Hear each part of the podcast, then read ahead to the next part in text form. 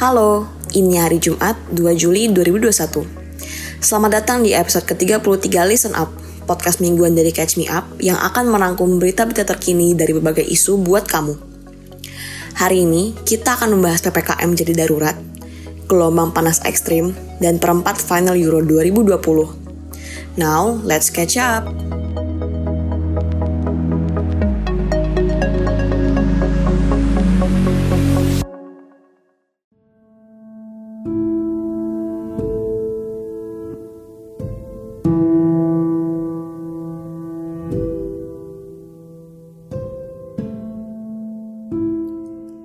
Kalau kamu ngerasa capek dengar berita soal corona, kita merasakan hal yang sama.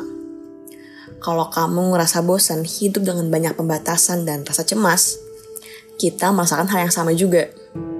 Tapi kita nggak bisa nyerah kan? Yuk bisa yuk, corona belum selesai. Dan kita masih harus terus melawan. Satu setengah tahun corona melanda, kita menghadapi banyak hal. Bukan cuma virusnya aja nih, tapi juga hidup dengan cara yang gak biasa. April 2020, pemerintah menetapkan PSBB ketat. Terus lanjut lagi ke PSBB ketat jilid 2, jilid 3, terus berubah ke PSBB transisi, lanjut lagi ke PPKM, PPKM mikro, penebalan PPKM, dan sekarang baru aja pemerintah mengambil keputusan buat nerapin PPKM mikro darurat di 6 provinsi dan 44 kabupaten kota di Pulau Jawa dan Bali. Setelah mendapatkan banyak masukan dari para menteri, para ahli kesehatan, dan juga para kepala daerah, saya memutuskan untuk memberlakukan PPKM darurat sejak tanggal 3 Juli hingga 20 Juli 2021, khusus di Jawa dan Bali. Yes, PPKM darurat ini dikomandani oleh Menko Marves Pak Luhut Panjaitan. Dan PPKM darurat mengatur sejumlah poin di antaranya, perkantoran di sektor non-esensial wajib nerapin sistem WFH 100%. Terus, perkantoran sektor esensial kayak bank, pasar modal, sistem pembayaran, teknologi informasi dan komunikasi, perhotelan non-karantina, dan industri orientasi ekspor itu kapasitasnya 50% aja guys yang WFO. Sedangkan sektor kritis kayak sektor energi, kesehatan, logistik, keamanan, industri makanan dan minuman, petrokimia, penanganan bencana, listrik dan air, dan berbagai sektor industri pemenuhan kebutuhan pokok sehari-hari tetap beroperasi 100%. Terus, untuk supermarket, pasar tradisional, toko kelontong, dan pasar swalayan dibatasi jam operasionalnya sampai pukul 20 WIB dengan kapasitas 50%. Pusat perbelanjaan, mall, dan pusat perdagangan tutup total untuk sementara waktu. Restoran dan rumah makan hanya boleh take away atau pesan antar. Terus, kegiatan sekolah berlangsung secara online, tempat ibadah, dan fasilitas umum lainnya ditutup sementara. Kegiatan seni, budaya, olahraga, dan sosial masyarakat ditiadakan resesi pernikahan tetap boleh digelar dengan kapasitas 30 orang aja maksimal. Terus, transportasi publik tetap beroperasi dengan kapasitas 70%. Kalau mau melakukan perjalanan menggunakan moda transportasi jarak jauh, harus nunjukin kartu vaksin, minimal vaksin dosis pertama. Kalau mau pergi dengan pesawat, harus nunjukin hasil tes PCR minimal 2 hari sebelum keberangkatan dan transportasi lainnya bisa dengan nunjukin hasil tes antigen yang diambil sehari sebelum keberangkatan. Guys, rasanya kayak deja vu gitu gak sih? Kayak dulu awal-awal PSBB ketat di awal tahun 2020. Terus, kenapa PPKM darurat? Pertama, jelas karena lonjakan kasus COVID di Indonesia. Nah, terlebih nih ya varian Delta, persebarannya lebih mudah dan lebih cepat. Akibatnya, banyak rumah sakit, baik di ibu kota dan daerah, kolaps nih nanganin pasien COVID-19. Dalam sepekan terakhir aja, Indonesia itu udah nyata kasus positif harian hingga lebih dari 20.000 kasus. Bahkan, tanggal 29 Juni kemarin, angka kematian COVID di Indonesia itu pecah rekor di angka 463 kasus kematian. Udah gitu, ada 1026 tenaga kesehatan kita yang gugur dalam melawan pandemi. Nah terus, Presiden Jokowi juga bilang nih, kalau kenaikan kasus COVID selalu berpengaruh terhadap indeks kepercayaan konsumen. Begitu pembatasan ketat dilakuin dan mobilitas menurun, kasus COVID juga akan turun, makanya indeks kepercayaan konsumen naik. Terus sebaliknya nih, kalau kasusnya naik, indeks kepercayaan konsumen malah turun. Nah, kenaikan kasus juga mempengaruhi indeks penjualan retail, baik di Indonesia maupun negara lain guys. Begitu kasus COVID-19 naik, indeks penjualan retail turun. Makanya nih, Pak Jokowi negesin banget kalau kunci dari urusan ekonomi yang kita hadapi sekarang ini adalah dengan menekan persebaran COVID itu sendiri. Apa pun istilah yang digunakan untuk membatasi mobilisasi, mau itu PSBB, mau itu PPKM, darurat atau apa pun itu, semoga langkah ini berhasil guys. Sambil berjalannya vaksinasi massal, kita juga harus tetap disiplin nih sama protokol kesehatan. Hidup berdampingan dengan COVID emang gak gampang, tapi kita jangan nyerah ya guys buat berjuang.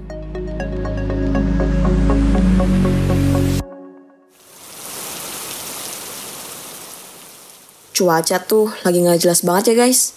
Siang panas, sorenya hujan gede, paginya mendung, eh kok sore lagi cerah. Kalau hubungan kamu sama si doi, gimana tuh guys? Jelas nggak? Eh tapi, bukan itu sih yang mau kita bahas sekarang. Kalau ini soal gelombang panas ekstrim di Amerika Serikat dan Kanada yang memakan korban meninggal sampai ratusan orang guys. Here in Calgary, not only is the city under a heat advisory with temperatures rising to the high 30s, poor air quality is expected in the evenings as well, as this heat dome traps pollutants down below. Saat ini, di wilayah Pacific Northwest kayak Amerika Serikat dan Kanada, lagi ngalamin gelombang panas. Selasa kemarin, Stasiun Iklim Kanada melaporkan pada pukul 16.20 waktu setempat kalau suhu udara di kota Lytton mencapai 49,5 derajat Celcius. Suhu udara ini guys katanya sih suhu udara paling panas dalam 1000 tahun terakhir. Kebayang gak tuh panasnya kayak apa? Amerika Serikat juga kayak gitu guys. Laporan dari Reuters, katanya nih kawasan Washington, Oregon, sebagian Idaho, Wyoming, dan California berada di bawah peringatan panas yang berlebihan karena suhu udaranya tuh melonjak 6 sampai 7 derajat Celcius di atas rata-rata. Gelombang panas yang terjadi ini katanya tuh memicu pemadaman listrik di 8.200 rumah karena komponen gardu listriknya itu rusak dihantam sama gelombang panas.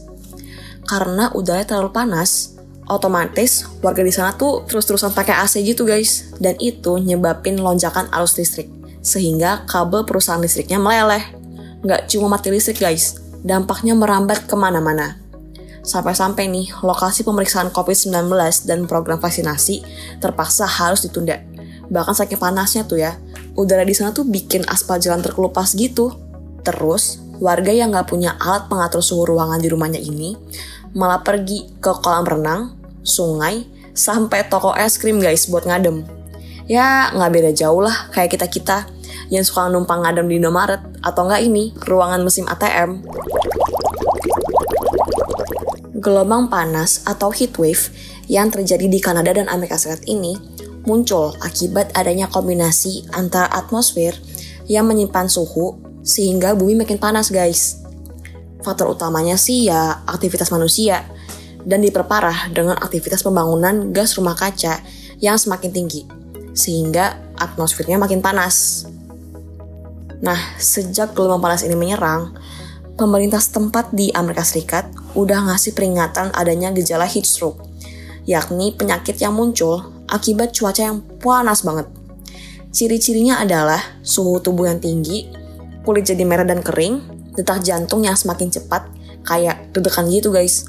Terus pusing, mual, bingung, sampai pingsan. Sedangkan di Kanada ini, udah lebih dari 230 ribu orang yang meninggal tepatnya di British Columbia, Kanada, karena paparan heat wave. Heat wave ini tuh benar-benar berbahaya guys, khususnya bagi orang tua, bayi, anak kecil, dan mereka yang punya penyakit kronis. Guys, climate change is real, like real real. Taking on a couple of opponents now. That's a wonderful save at full stretch.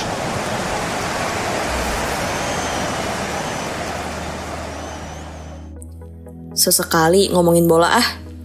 Ini penting juga guys soalnya. Nggak kalah penting sama dinamika politik negara. Perempat final Euro 2020 menyisakan tim-tim gede dan tim kuda hitam. Tim besarnya nih ada Belgia, sang peringkat satu dunia, sama Spanyol yang ngantongin tiga trofi Piala Eropa dan satu Piala Dunia. Terus ada Italia juga nih, yang sempet empat kali nyabet gelar Piala Dunia. Terus ada Inggris deh, yang namanya selalu muncul di kocokan taruhan dunia. Abis itu, empat tim lainnya yang cukup berbahaya ada Denmark, Ukraina, Swiss, dan Republik Ceko.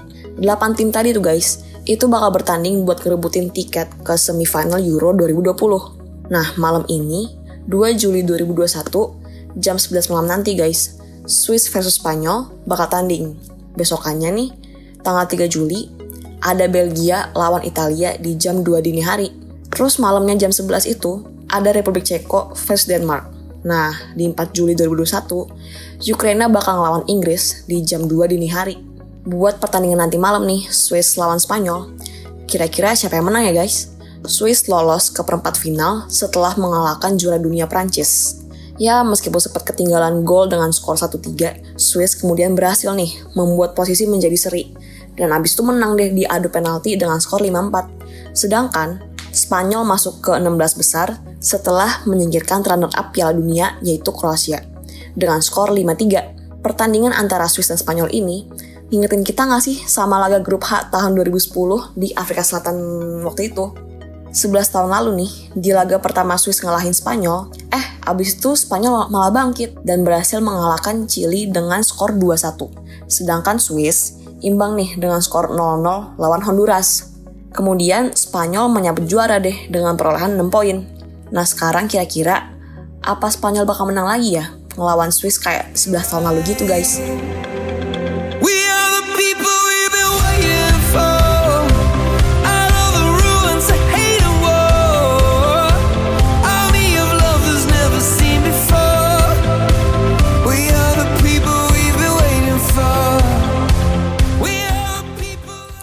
Demikian listen up hari ini. Sampai jumpa di minggu depan. Stay safe and stay healthy. We'll